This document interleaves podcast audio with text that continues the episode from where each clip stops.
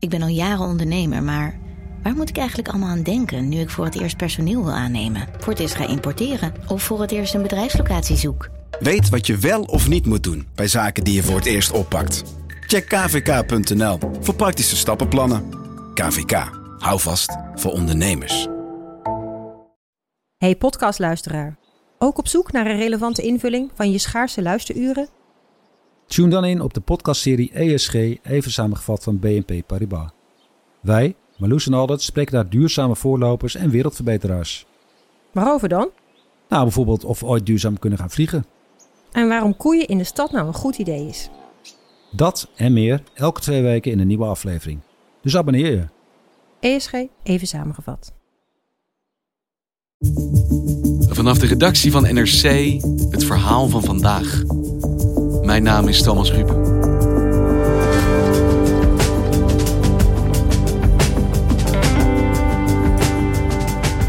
In het oosten van Congo woedt de grootste uitbraak van ebola die het land ooit heeft gekend.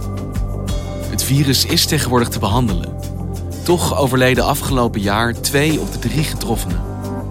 Correspondent Bram Vermeulen reisde naar ebola-gebied en zag met eigen ogen waarom Oost-Congo voor zo'n uitbraak de slechtste plek op aarde is.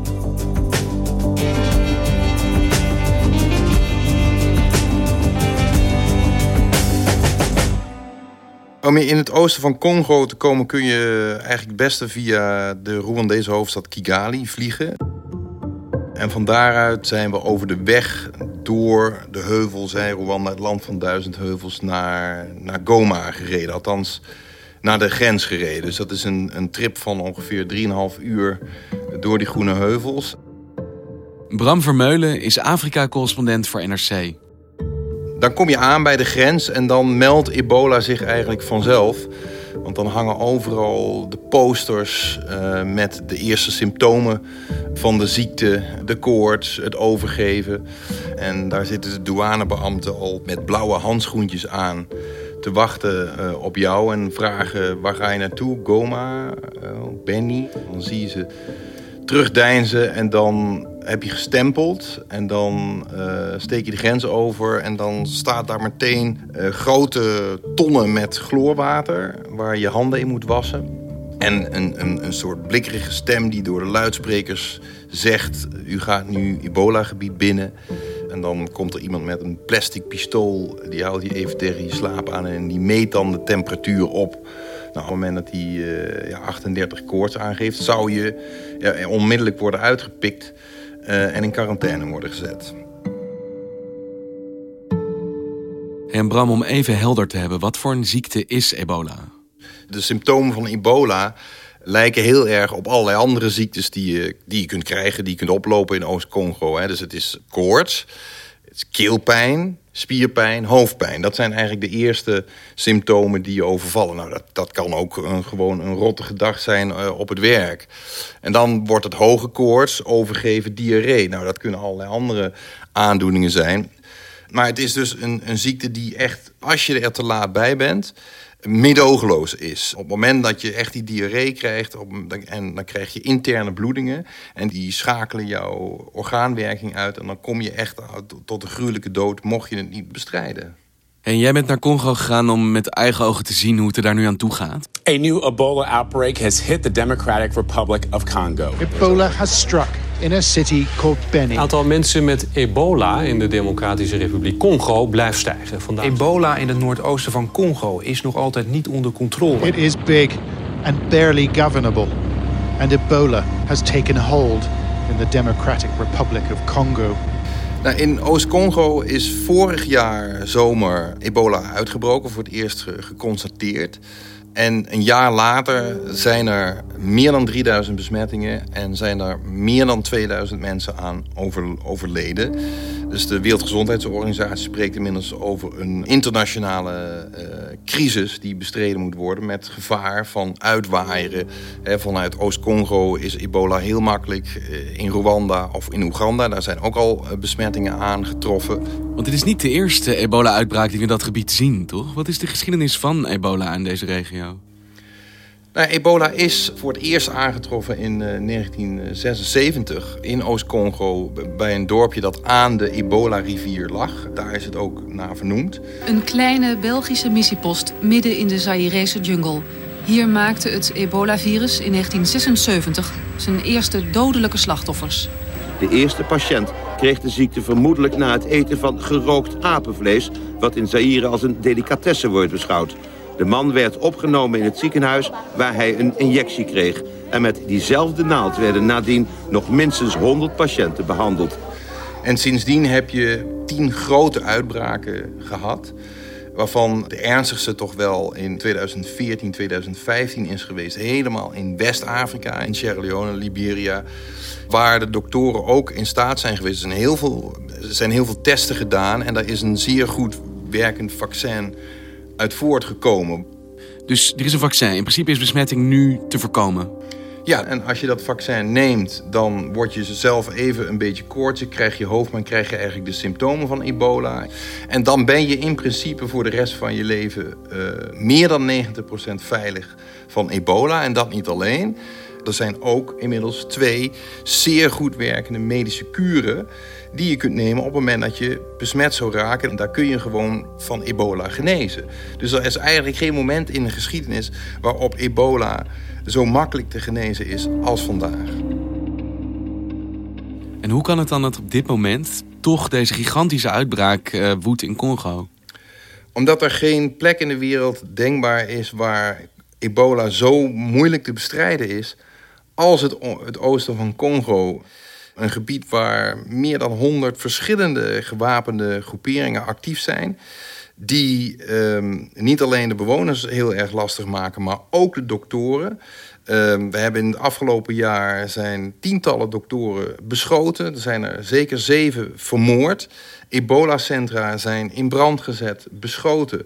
A number of health workers have already died, so they're risking life and limb both in terms of the deadly disease and also attacks from the community. Health workers are frequently attacked by Congolese who don't believe Ebola exists. Ja, dus ik ben daarheen gegaan voor, voor NRC Handelsblad en voor, uh, voor de NOS. En op het moment dat wij vanuit Goma naar Benny wilden vliegen op een maandagochtend... vertrok de VN-vlucht niet omdat er die avond daarvoor uh, ernstige beschietingen waren geweest... ten noorden van het vliegveld. En dat de lokale bevolking ook in opstand was gekomen tegen die uh, onveiligheid. Dus uh, met name doktoren, uh, ook gewoon witte Europeanen. Iedereen moest binnenblijven, omdat er zo hevig werd geprotesteerd. En het is ook regelmatig voorkomt dat de plekken waar wij verblijven... daar zaten gewoon kogelgaten in, ramen. Er was met mortieren opgeschoten. Dus dat is de omgeving waarin die doktoren moeten opereren.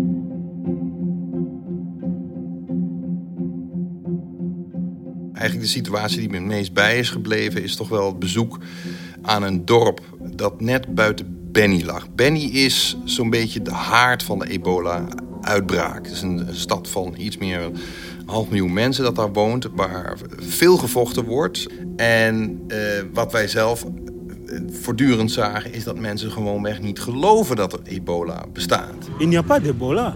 Tout le monde le sait.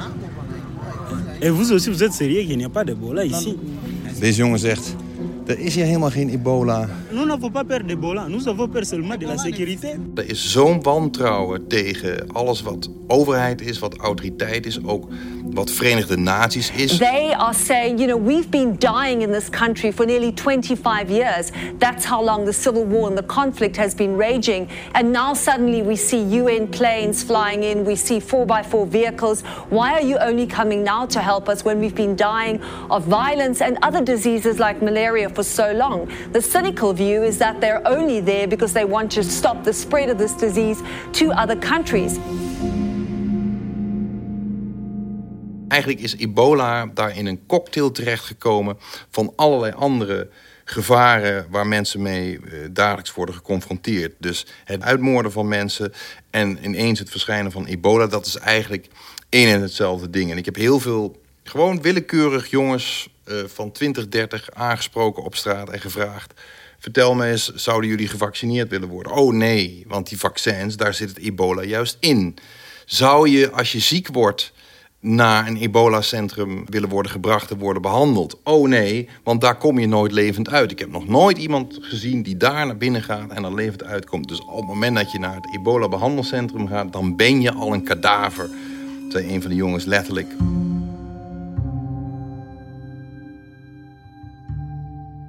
Wij zijn in die week op stap gegaan met een ontsmettingsteam. Een team dat een plek moet ontsmetten op het moment dat er iemand is geweest met ebola. En het verhaal was van een, een wat oudere man, wiens vrouw uh, eerst ebola had gekregen. En hij was zelf ook uh, besmet geraakt. Alleen hij geloofde niet dat het ebola was. Hij geloofde dat uh, zijn vrouw was behekst door de buren. En dus had hij het huis van de buren in brand gezet om ze te wreken. En op het moment dat hij hoorde dat de doktoren van de Wereldgezondheidsorganisatie op zoek waren naar hem, is hij een dorpje ingevlucht dat even buiten Benny lag. En dat, dat dorp lag ook in gebied waarvan wij wisten dat het uh, gecontroleerd werd, onder controle stond van de gevreesde Mai-Mai-milities, die ook vaak doktoren aanvallen. Dus we zijn dat dorp ingereden. Je moet je voorstellen dat je dan met, met de, de treinauto's het, hoge olifantengras uh, uh, platwalst. En je komt daar binnen en die doktoren die, die gaan onmiddellijk aan de gang. Die gingen op dat huis af waar die man drie dagen lang had gelegen. Waarvan de ramen en deuren allemaal gesloten waren. Dus de grootste, uh, belangrijkste vraag was... waar is de sleutel van deze kamer? Want, zei die dokter tegen die mensen die daar... de buren eigenlijk, die daar waren... dit huis, moet u goed begrijpen, is als een bom. Dit huis als u daar binnen gaat, zult u onmiddellijk ziek worden en sterven.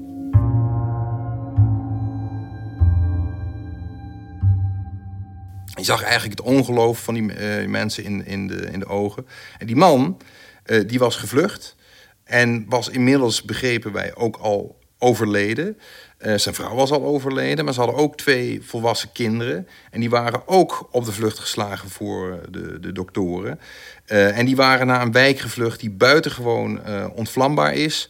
Waar we een dag daarvoor ook waren geweest. We moesten met politiebewaking moesten daar naartoe. Het was echt een wijk waar de doktoren voortdurend werden aangevallen. En een beeld wat, wat me daar nog eens bijgebleven is van, van een lange tafel... waar ongeveer twintig uh, doktorenwachters, verplegers met, met, met soort douchemutsen op en, en gele regenjassen, waar ze dus die wijk wilden vaccineren.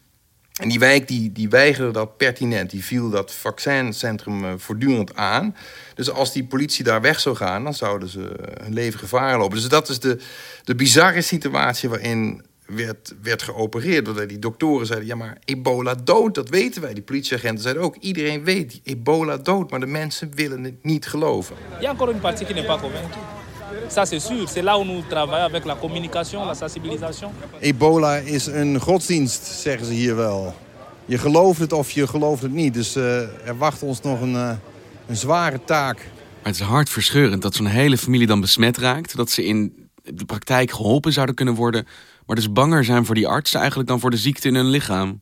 Ja, en tegelijkertijd is dat ook in 2019 niet helemaal onvoorstelbaar. Ik, ging het op een gegeven moment toch maar vergelijken met de discussie over vaccins in Nederland. Mensen aan elkaar vertellen is bijvoorbeeld dat Congolese doktoren op het moment dat ze een, een zieke onder zich krijgen die met die koorts heeft, dan schrijft hij op. Dit is, hij heeft alle uh, symptomen van ebola, vertelde jongens. Uh, ook al heeft hij die symptomen niet, ook al overlijdt hij gewoon aan malaria, schrijft hij toch op ebola, want dan krijgt hij geld van de, van de witte doktoren.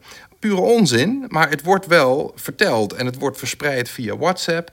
Een politicus heeft gezegd: het kan toch geen toeval zijn dat er hier tussen al dat moorden door ineens een ebola-uitbraak is.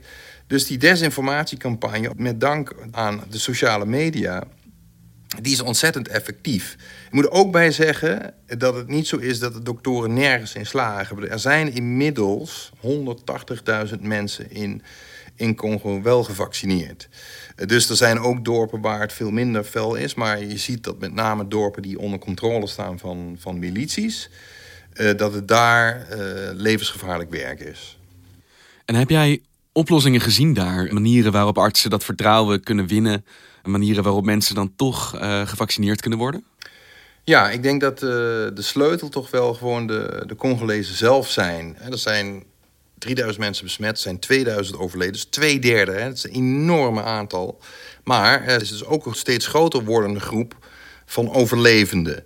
En die Garde Malade, dus de, de, de ebola-overlevenden... kunnen niet voor een tweede keer besmet raken. En die spelen een hele interessante rol. Ze zijn op een gegeven moment op pad gegaan...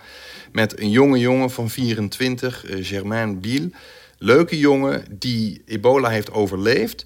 En met zijn brommer nu de zieken ophaalt in allerlei ziekenhuizen, klinieken waar mensen symptomen hebben van ebola, misschien wel ebola hebben, misschien ook niet. Ze achter op zijn brommer zet en met die brommer naar de ebola-behandelcentra rijdt.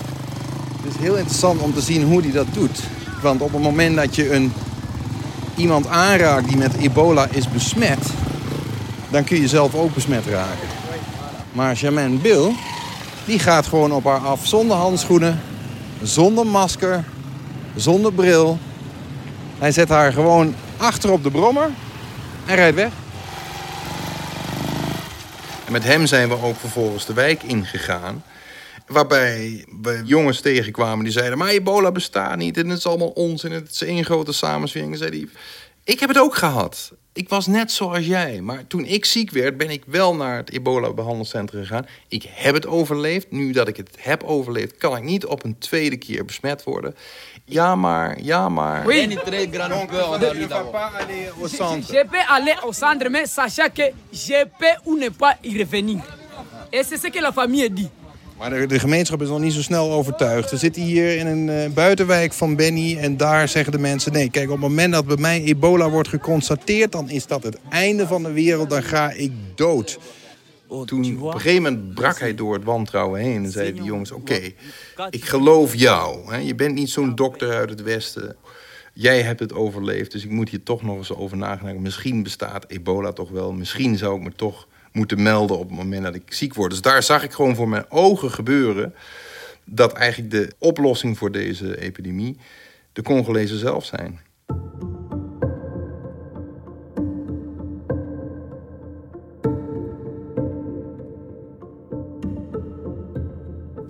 En jij bent inmiddels weer terug in Kaapstad, Bram. Hoe lang ben jij in Congo geweest in dit gebied? Uh, alles bij elkaar uh, tien dagen. En wat heb jij daar moeten doen om jezelf te beschermen? Ben jij gevaccineerd bijvoorbeeld? Nee, uh, die vraag is wel opgekomen. Die Congolese journalist met wie wij werkten, die zei... nou, ik zou het wel doen...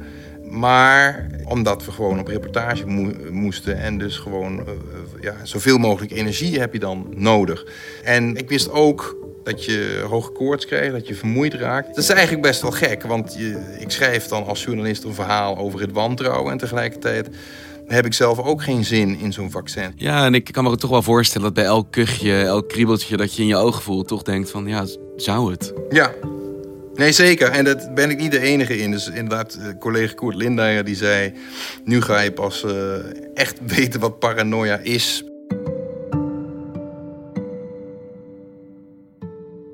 Hey, met alles wat daar gebeurt, zeg maar, die giftige cocktail van politieke onrust... van geweld in de regio en die ziekte... zie jij een einde aan deze crisis in zicht? Nou, ik heb sommige van die jongens gevraagd van wat is voor jullie nou de, de, de prioriteit? En zij zeiden al allemaal, de prioriteit is veiligheid.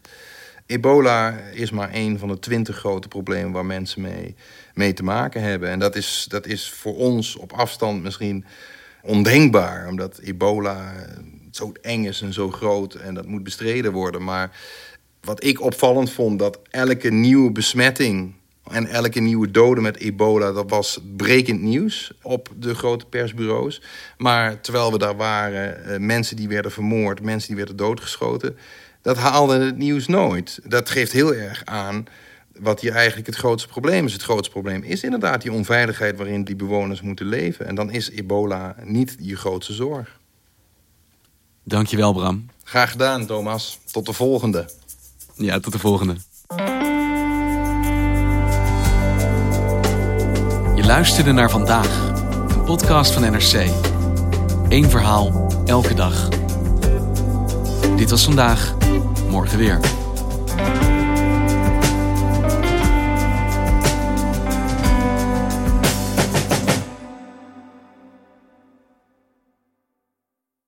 Technologie lijkt tegenwoordig het antwoord op iedere uitdaging. Bij PwC zien we dit anders.